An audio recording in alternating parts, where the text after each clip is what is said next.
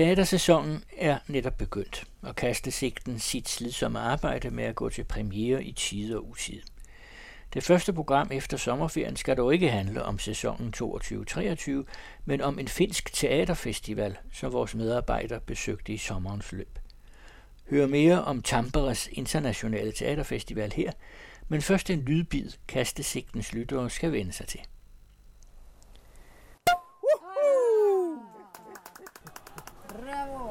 Kastesikten. Kastesikten. Kastesikten. Tervetuloa Kastesikteniin. Velkommen tilbage til en ny teatersæson. Og ja, det var Kastesigtens nye jingle. Den er blevet til i Finland denne sommer, og det er der, vi starter. Det hele begyndte i sensommeren 2021, da jeg læste Kjell Vestøs Nordisk Råds litteraturprisvindende roman Luftspejling 38. En fin læseoplevelse, men langt mere end indholdet, var det det, der ikke stod i bogen, der vagte min nysgerrighed. For hvad ved vi egentlig om Finland? Ja, jeg kan jo tage fejl, måske ved lytterne mere end jeg tror, men mange af de i Vestøs bog forekommende intriger var mig gådefulde. Hvad skete der egentlig under borgerkrigen 1917-1918? Og særligt, hvad skete der i årene efter? Hvordan kunne det lade sig gøre, at finnerne forsvarede sig succesfuldt mod den sovjetiske overmagt under vinterkrigen i 39? Og hvordan hang det sammen med, at man allierede sig med Hitler? Og hvad er det egentlig, der foregår mellem de der konspirerende finlandssvensker i bogen?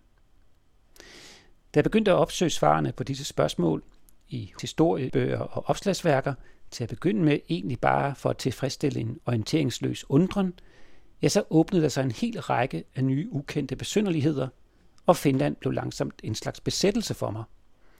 Hvordan var det lykkes for denne unge nation at nå frem til toppen af stort set alle de statistikker, vi bruger for at måle velfærd, velstand og vilkår for livskvalitet? Der var ikke andet at gøre, end jeg måtte derop og se tingene an på lidt nærmere hold. Det, I lige har hørt, er egentlig indledningen til et andet program, end det, I skal høre nu. Et program, der som antydet skal handle om Finlands historie i det 20. århundrede, og som forhåbentlig kommer her på kanalen inden alt for længe. Men sammenhængen er, at da jeg under forberedelsen til denne finlandske ekspedition et par aftener inden afrejsen var ude at spise med en finsk-dansk bekendt for at få nogle tips, sagde hun med sprudlende overbevisning i stemmen, så skal du danse tango. Underligt nok havde jeg helt glemt at overset dette særegne finske kulturfænomen, og fik tøvende sagt, Nå ja, mens jeg for mit indre blik fik et billede af mig selv valgtende akavet rundt på et dansegulv. Min bekendte hæv resolut sin smartphone frem for at finde nogle tangoadresser til mig, men fandt til alt held måske ud af, at tangosæsonen, ja, sådan en har man i Finland, holdt ferie netop under mit ophold.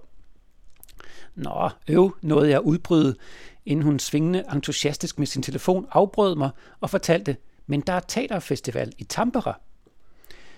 Og sådan gik det til, at kastesigten i den første uge af august indfandt sig i Finlands næststørste og meget dynamiske universitetsby, som indbudt gæst til den 54. 20. udgave af Tamperin Teaterikassa. Og her slår jeg lige en sløjfe på det allerede sagte, for grunden til, at jeg synes, det gav mening at begynde dette program med indledningen til et helt andet program, er naturligvis, at de seks forestillinger, jeg så, faktisk alle synes at kunne fungere enkeltvist og samlet som et perspektiv på eller en indgangsvinkel til de historiske begivenheder og samfundsmæssige forhold, jeg vil behandle mere selvstændigt i det annoncerede program om Finlands historie. Med andre ord, denne udgave af Kastesigten kan både lyttes til som en selvstændig beskrivelse af forestillingerne og festivalen i sin egen ret, men kan altså også lyttes til som et supplement til den større fortælling om finderne og deres historie i det 20. århundrede, som jeg sysler med, der vil under alle omstændigheder finde krydspodninger sted mellem programmerne. Allerførst, og jeg synes egentlig ikke, det var naivt af mig at tro, at når nu det var en international festival, så ville der være engelske overtitler på mange af stykkerne. Men der tog jeg fejl. Det var der ikke. Så jeg så i alt ni timer teater på finsk, uden at forstå ret meget af, hvad der foregik op på scenen. Altså indtil jeg i pauserne eller efter forestillingen henvendte mig til personen i nabosædet, eller en venligt udseende person ude i forjen og spurgte, hvad handlede det om? Og så er der faktisk en vis magi i at citater, uden at kunne forstå handlingen. Man lægger mere opmærksomt mærke til andre ting, rytmen, musikaliteten i sproget, skuespillet, bevægelserne, scenografien, stemningerne osv. Det første stykke, jeg så, begyndte ellers meget tilforladeligt. En mand, en original formoder man, indfinder sig på scenen i sølvbukser med seler, en blomsterkrans om håret og en blikspand. Op af spanden tager han en sten og siger, realismi. En ny sten kommer op, romantik. Og den tredje sten, han hiver op, symboliserer mystiki. Men det var også de tre eneste ord, jeg forstod i det ellers meget lange og meget ordrige stykke, som omhandlede en nu afdød, men i offentligheden kendt finsk multikunstner, Elis Sineste. Og det giver mig snærten af en anledning til at nævne, hvad en veninde inden afrejsen finurligt havde sagt til mig, nemlig at der findes en hel generation af finder, mest mænd, sådan i 50-70 års alderen, der ligner ex-rock'n'rollere. Og det er selvfølgelig overdrevet, men alligevel ikke helt skævt. Jeg traf ganske ofte denne type, en ældre mand med langt hår, nogle gange skæg, solbriller og tatoveringer, men altid det der lidt trashede udtryk, altså sådan med slidt tøj og sådan, ja, en rock'n'roll attitude. Som en slags overvindret personlighed fra en svunden tid. Og det var vist præcis det stykket handlede om. Det der med at leve livet på sine egne præmisser. At opsøge eventyret. At undres. At finde sit eget tempo. Og ikke lade sig begrænse af samlebånds drop-down-menu mentaliteten. Stykkets danske titel lød noget i stil med Den største lykke er at være lykkelig. Og da jeg senere fik lejlighed til at google Elis Sinneste, dukkede der et lille 7 minutters indslag fra finsk statstv Yle op, som jeg linker til på hjemmesiden. Meget mere er der simpelthen ikke at sige om stykket. Publikum i den udsolgte sal var mestendels folk, som havde oplevet 50'erne, 60'erne og 70'erne, og man mærkede en nostalgi efter en tid, hvor det at gå imod strømmen var forbundet med en større, ja, gavmild udforskning af, hvem vi er og hvad vi kan. Stykket gik i øvrigt i Kælderteateret, der ligger lige under Leninmuseet. et sted, der også fremkalder tanker om, hvem vi og særligt hvem finderne er, men det vender jeg tilbage til. Kælderteateret er et af 16 selvstændige teatre i Tampere, som der også gerne kalder sig selv Finlands teaterhovedstad. Det næste stykke, jeg så, hed Niksavuri, og, fik jeg senere at vide, er et ordspil, der refererer til en finsk slægtsroman, Niskavuri, der vist nok har lagt navn til en helt litterær genre, den store fortælling om Finland i det 20. århundrede, og hævdede den ældre kvinde, der fortalte mig om stykket, har som sit omdrejningspunkt nogle stærke kvinder, der klarer ærterne, angiveligt en slags finsk arketype. Stykket rummede også nogle stærke, eller i hvert fald store kvinder, hvis man kan formulere det sådan. Det var fysisk teater, altså uden dialog og med kroppen i centrum, og begyndte meget klassisk for denne genre, med en stor uformelig masse, indpakket i noget stretch-materiale, langsomt undergik metamorfoser inden i en 2,5 gange 2,5 meter kube midt på scenen, hvor væggen ud mod publikum var af plexiglas. Efter en cirka 10 minutters tid kom tre noget overvægtige karakterer ud af materialet, kun iført blå strømper med hvide striber og hvide minimalistiske, men meget ekspressive masker. Når nu jeg nævner det der med vægten, er det dels fordi, at i hvert fald de to af skuespillerne var decideret fede på en usund måde. Dels fordi, at jeg var blevet fortalt, at Finland som samfund er ramt af en fedmeepidemi. Og jeg så der også ganske mange, der havde den der, ja, jeg kalder det amerikansk fedme, altså hvor flæsket er nærmest sådan karikeret i sin overflod. Og dels også fordi, at resten af stykket var en lang grænseoverskridende udstilling af disse nøgne fede kroppe, som helt uhæmmet blev krænget ud og vist frem. Kulminerende i en slutscene, hvor de tre figurer pumpede maling op i deres endetarme, for derefter at overskide hele kuben, hinanden og tre finske flag, der meget eksplicit blev kørt rundt i sølet. Alt sammen lige synet på publikum, og på en måde, jeg tvivler på, vil kunne lade sig gøre i lille nationalistiske Danmark. Stykket var som nævnt ordløst, men to tredjedel ind i forestillingen kom der en cirka to minutter lang sekvens, hvor en engelsk med sydafrikansk accent talende professoragtig stemme foredrog om betydningen af, og det ganske rimelige i, så vidt jeg forstod, det var virkelig kringlet akademisk engelsk, at bygge sin nationale kulturelle identitet op omkring skamløshed. Figurerne i kuben tog ikke det mindste notits af stemmen og fortsatte sine nøgne, på dette tidspunkt sadomasochistiske excesser. Truppen hedder Four Floors of Hordes, og da stykket var forbi, og de nu helt nøgne, uden masker, bukkede for publikums applaus, kom også instruktøren ind, fed og helt nøgen, og bukkede med. En detalje, jeg godt kunne lide. Jeg spurgte senere Teaterfestivalens ene kurator, om den kunstneriske ledelse havde haft nogen tvivl eller tøven i forhold til at programsætte et for mig at se temmelig kontroversielt stykke. I parentes bemærket er festivalen finansieret af offentlige midler, og den finske pendant til Dansk Folkeparti, de ægte finder, har mellem 16 og 20 procent af stemmerne. Hør hendes svar i interviewet, der kommer til sidste programmet. Jeg så jo et, at CBH Stage, eller Københavns Teaterfestivals internationale kurator, var til stede, så hvem ved, måske er vi heldige at få stykket at se til næste sommer. Det næste stykke, jeg så, hed Den Blinde Vinkel, og var af en art eller genre, som ikke står så stærkt herhjemme, dokumentarteateret. Vi har haft Jens Kløfts, mens vi venter på Irak-kommissionen, og Ina Miriam Rosenbaums Corridon, men ellers kan jeg ikke komme på flere eksempler i nyere tid. Altså som blander research eller dramatiseret genfortælling af en politisk skandale.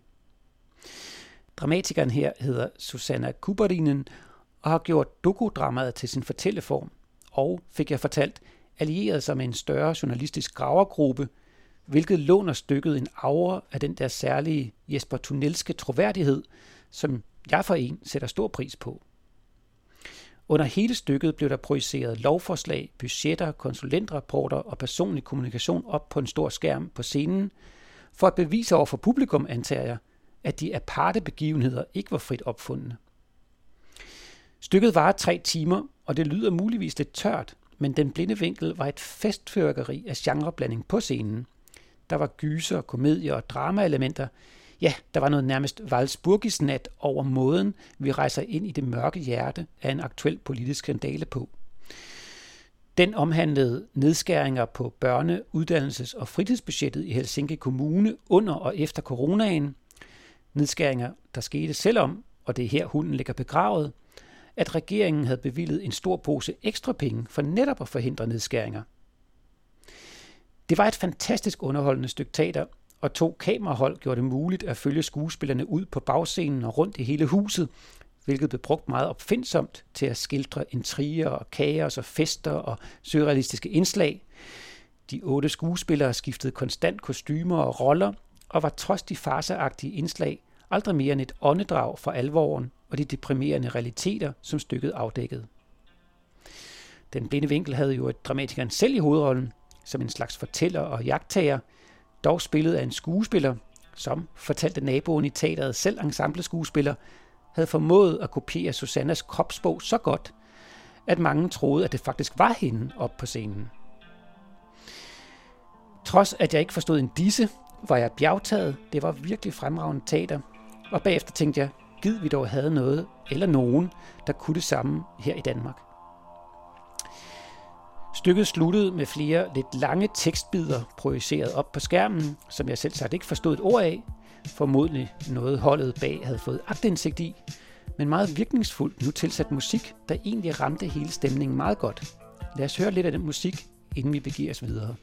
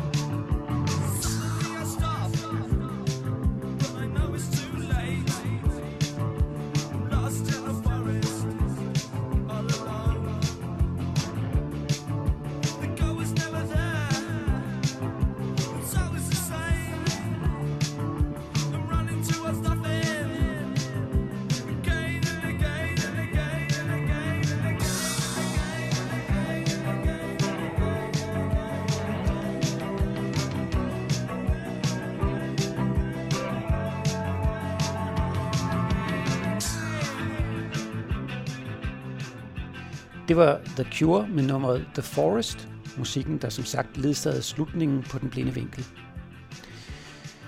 I parentes bemærket var det den før omtalte nabo i salen, skuespilleren, der i pausen hjalp mig med at forstå handlingen i stykket og samtidig udfoldede, rudimentært selvfølgelig, vi havde kun et kvarter, nogle tanker om, hvorfor at teateret står så relativt stærkt i det finske kulturliv og får så relativt gavmild en støtte fra kulturbudgetterne. Det skyldes, mente han, at Finland er en ung nation. Det er jo kun fem år siden, at man fejrede 100 års eksistens. Eller sagt på en anden måde, der lever stadig mennesker i Finland, der blev født i en russisk provins i udkanten af Sariget. Og denne bevidsthed har stadig en stor indflydelse på kulturlivet og den nationale identitet og den fortsatte skabelse af samme. Hvilket blandt andet forsøges styrket gennem, at man målrettet støtter både produktionen af ny finsk dramatik og teatrene mere generelt. Hvilket også kommer til udtryk i, at stort set alle små provinsbyer i Finland har deres eget teater. Kort sammenfattet, Finland værdsætter sit teaterfolk, og den kritiske eller selvkritiske brød i de to stykker, jeg lige har beskrevet, hører med til at være en selvbevidst og robust kulturnation. Jeg kommer tilbage til nogle af disse refleksioner i de annoncerede radioessays om Finland. Det sidste stykke, jeg her vil omtale, illustrerer, hvad jeg lige har sagt. Det kommer fra Oulu stadstater, den nordligste af vestkystbyerne, og handlede om et andet mørkt kapitel i nyere finsk historie, nemlig det triste faktum, at Finland har europarekord i heroinafhængige. Jeg havde allerede hørt problemet nævnt af mine nye venner i Helsinki, hvor en diskussion, meget lige den vi har haft herhjemme, om offentlige fikserum rasede. Ifølge hvad jeg hørte, så dør der uforholdsmæssigt mange junkier af overdoser og beskidte kanyler i de finske byer, og det både diskuteres og dramatiseres. Stykket, der hed Min søn, der forsvandt, havde det der umiskendelige skær af provinsteater. Jeg ved ikke præcis, hvad det er, der gør, man straks fornemmer det. Men uanset var det et rasende godt og energisk stykke med fire kvinder, der spillede mødre, søstre og kærester til den ene unge mand i stykket, der hele tiden faldt ned i hullet midt på scenen. Scenografien, som bestod af en boksering med et hul i midten, var sparsom, men blev brugt med stor påhitsomhed. Og desperationen, medfølelsen og skammen, afløst af kortvarige lysglimt af håb hos de pårørende, var ikke til at tage fejl af. Stykket tog livtag med et barst emne og endte, som det jo også ofte gør i virkeligheden, i det mørke hul midt på scenen. Og det, at stykket kom fra Olo, giver mig anledning til at nævne en sidste detalje ved festivalen, inden vi skal høre den kunstneriske leder selv fortælle, nemlig at festivalen først og fremmest er en national og kollegial begivenhed, hvor teaterensembler fra hele Finland og folk i omkring branchen mødes og netværker lige inden den nye teatersæson begynder. Men dette og meget mere fortæller Hilka Lisa om her i interviewet, som blev foretaget lige efter, at publikum havde forladt forjen efter min søn, der forsvandt. Og hvis vi lyder lidt trætte og rustne, er det fordi, at det er festivalens sidste dag, og vi havde været i røgsauna aften inden. Her introducerer hun sig selv. Hi, um, my name is Hilkka Lisa Ivanainen. I'm one of the artistic directors of the festival, and I've been working here at Tampere Theatre Festival since September 2017. So the festival edition for 2018 was my first curation for the festival's main program. So actually, to be like very clear, when the, the, the folks of us who call ourselves artistic directors, uh, we refer to the main programming, which is about 20 theater, dance, or circus performances performed in a week's time here in the city of Tampere.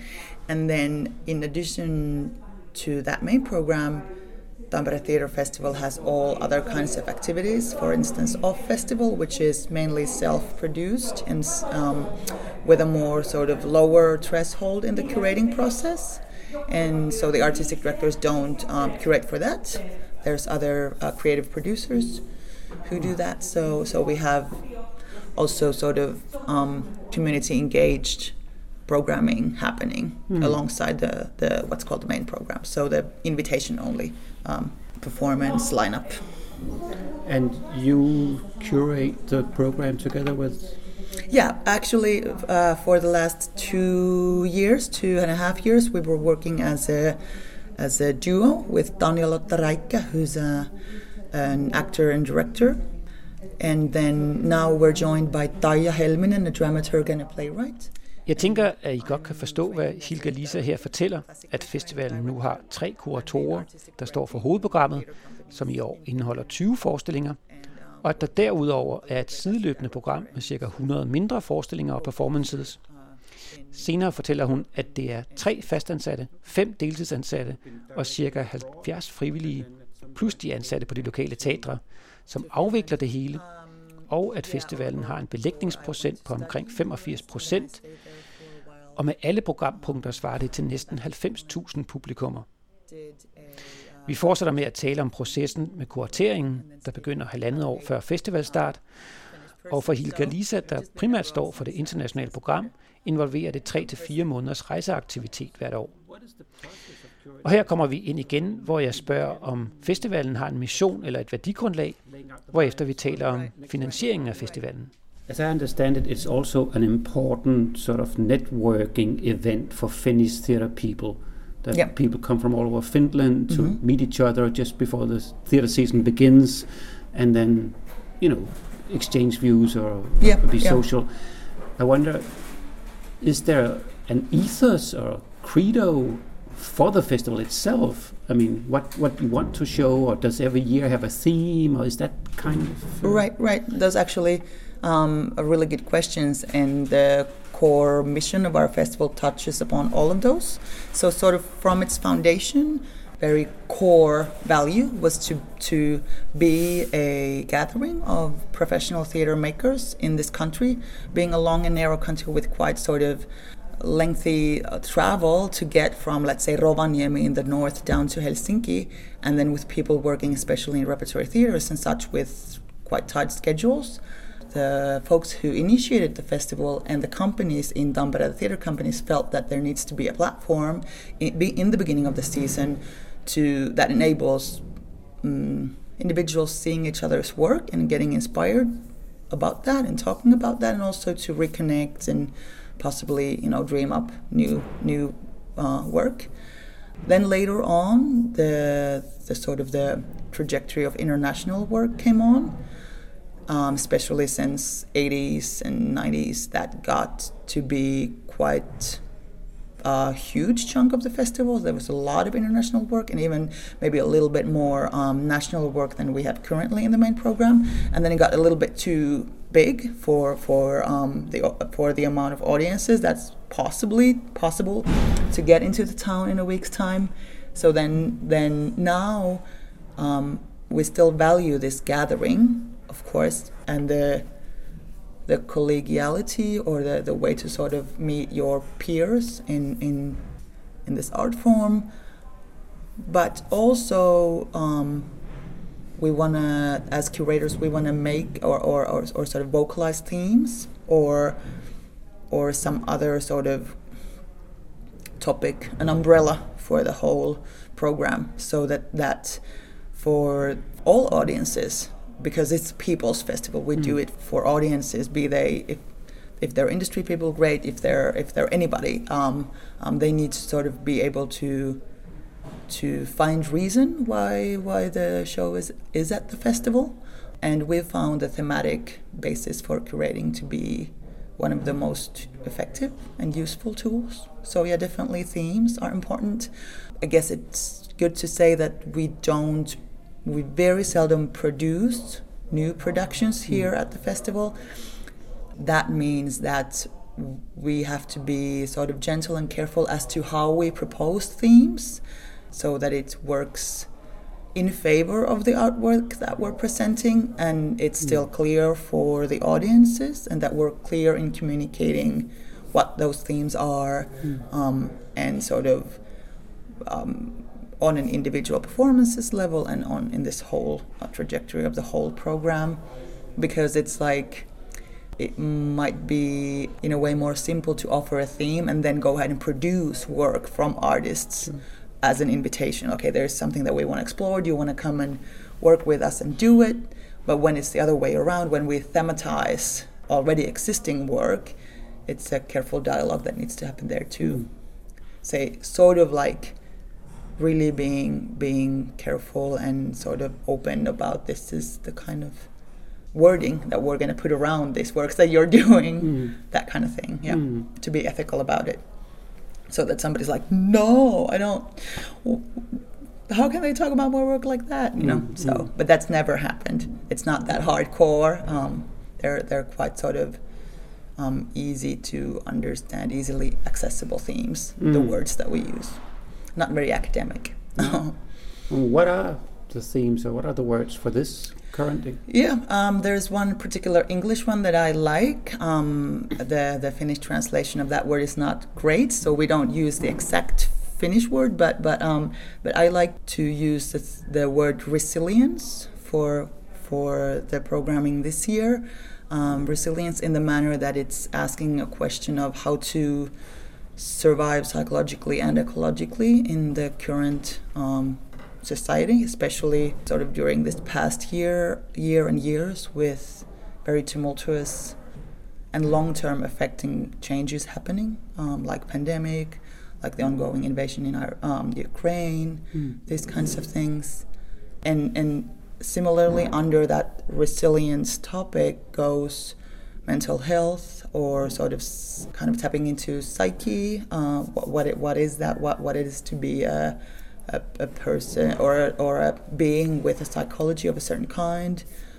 Like some shows deal with very sort of clear urban and social issues, like mm. My Son Who Disappeared, who revolves around the worsening uh, drug problem from the parents or the closed ones' point of view, also. Mm. Um, so some of them tackle these issues very straightforward, and then some of them are more like landscapes or mindscapes of of um, some psychological or psychoanalytical or uh, philosophical nature. As I understand it, the festival is publicly funded. Yeah. Money from the state and money from the municipality. Yeah, city city of Tampere is one of our funder, and then the um, yeah the the state also. Mm. Are there also private partnerships? Um, uh, some, but but on a much uh, smaller scale in terms of um, sort of operational funding. So okay. these these two that we just mentioned are the main funders um, for so, our festival. So you can actually run the festival on the funding you get from public funds. Yes. You yes. You, because I don't see any advertisements from I don't know a car maker or. Yeah, they're more like sponsorship deals. Um, and not and the, the, sort of the operational budget comes from mm. mainly from public funding and of course ticket sales um, play into our yearly budgeting a lot. Speaking of public funding, I mean, I guess this is a cultural budget that pays for the festival.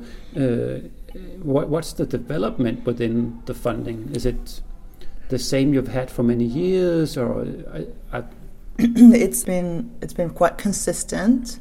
Um, there hasn't been there's no um, for the foreseeable future, there's no, for festivals, we are not um, looking to face huge budget cuts, but uh, there's um, sort of key funding instruments have been changing either uh, the way they allocate money or the amount of the money that they give out. Mm. So there may be sort of smaller cuts for a few more years to come, but it, from our end, it's looking that it's not going to be drastic because mm. we're we can pretty easily adapt in terms of finding ways to, to have the sort of the key product so festival going on mm. for that week's time um, but for operators who either have longer festivals or produce festivals multiple times a year um, it may be a little bit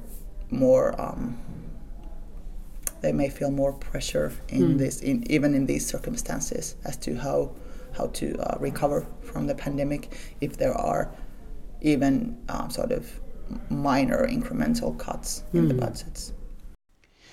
Hilke Lisa fortalte lidt om de forskellige prioriteter, der har præget festivalen gennem årene, og at der er en tematiseret rammesætning af hver udgave af festivalen, og at den i år handlede om modstandsdygtighed og psykologiske måder at takle de mange kriser, vi står i på. Vi fortsatte samtalen om, hvordan festivalen finansieres og udviklingen inden for kulturbudgetter mere generelt. Hun sagde, at den offentlige finansiering er rimelig stabil, og at der faktisk ikke er brug for større private finansielle partnere. Også fordi, at festivalen nyder godt af en stor popularitet, altså med andre ord et højt billetsalg, som er en væsentlig økonomisk faktor i budgettet.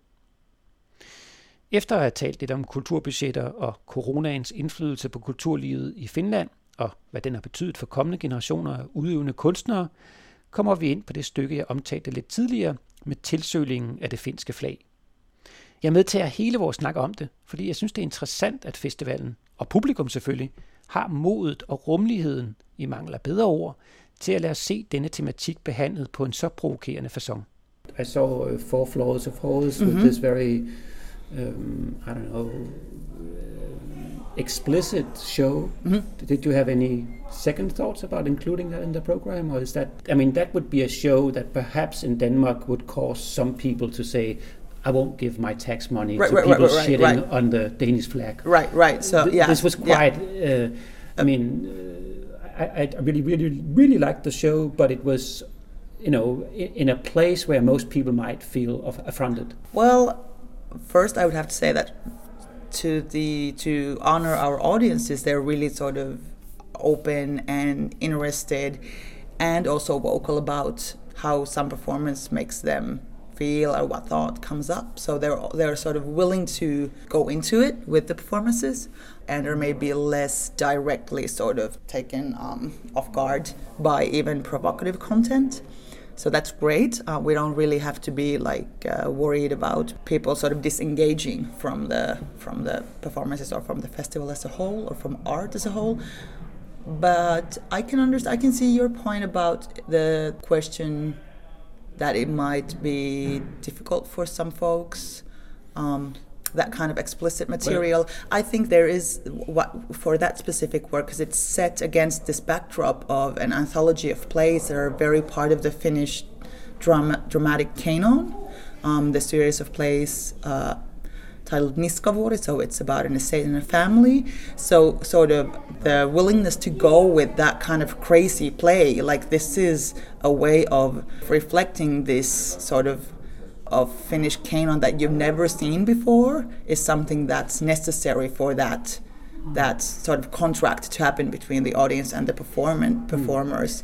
Um, and then I guess audiences that are not Finnish um, maybe look at it more like a contemporary art piece um, in itself mm. with the Finnish flag with these like symbols in there that are more maybe plainly representing the, the, nation or asking national things around national identity. And the Finnish audiences always sort of balance it out with this notion of these plays and movies that are like highly popular still. So I, I understood yeah, as much, yeah. and I, I, I, can relate to that. Yeah. But I think uh, my question was more: Were you, as a curator, a little bit hesitant in not the audience response, mm-hmm. but rather that maybe politicians or people of a certain sort of notion of what Finnish culture should be yeah. would make a fuss about it. No, actually. No, because yeah, yeah. But do you understand my yeah, point yeah, of view? Yeah, yeah, in totally Denmark, that would happen. Yeah. Somebody would take that play as a way of building a political platform. Yeah, yeah, yeah, yeah. yeah. You, I mean, you must have the same kind of reaction in Finland. Uh, yeah, there could be, there could be. Um, but to answer your question about what was I, or were we sort of uh, wary of that?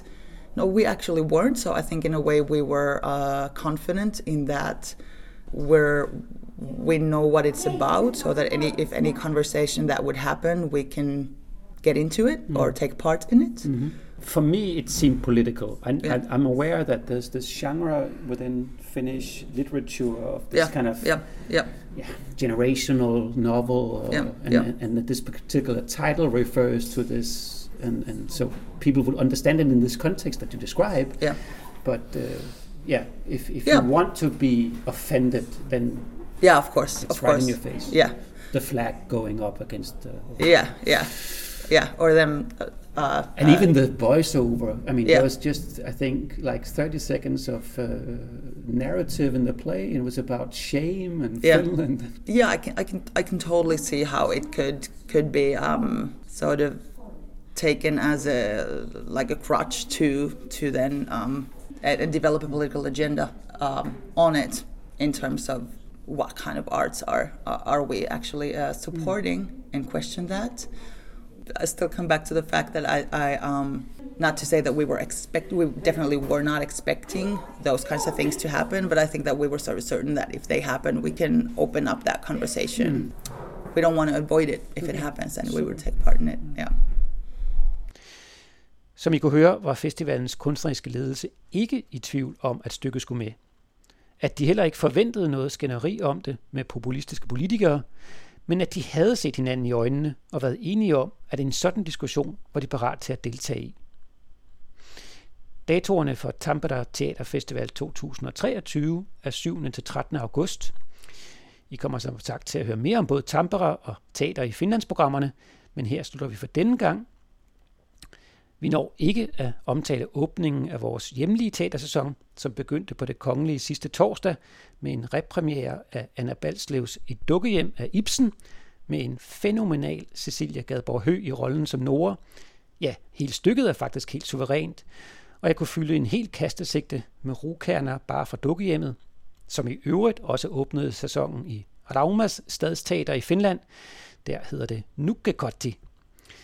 Men for nu Blot skynd jer ind og se et dukkehjem på det kongelige. Det går kun ind til 11. september.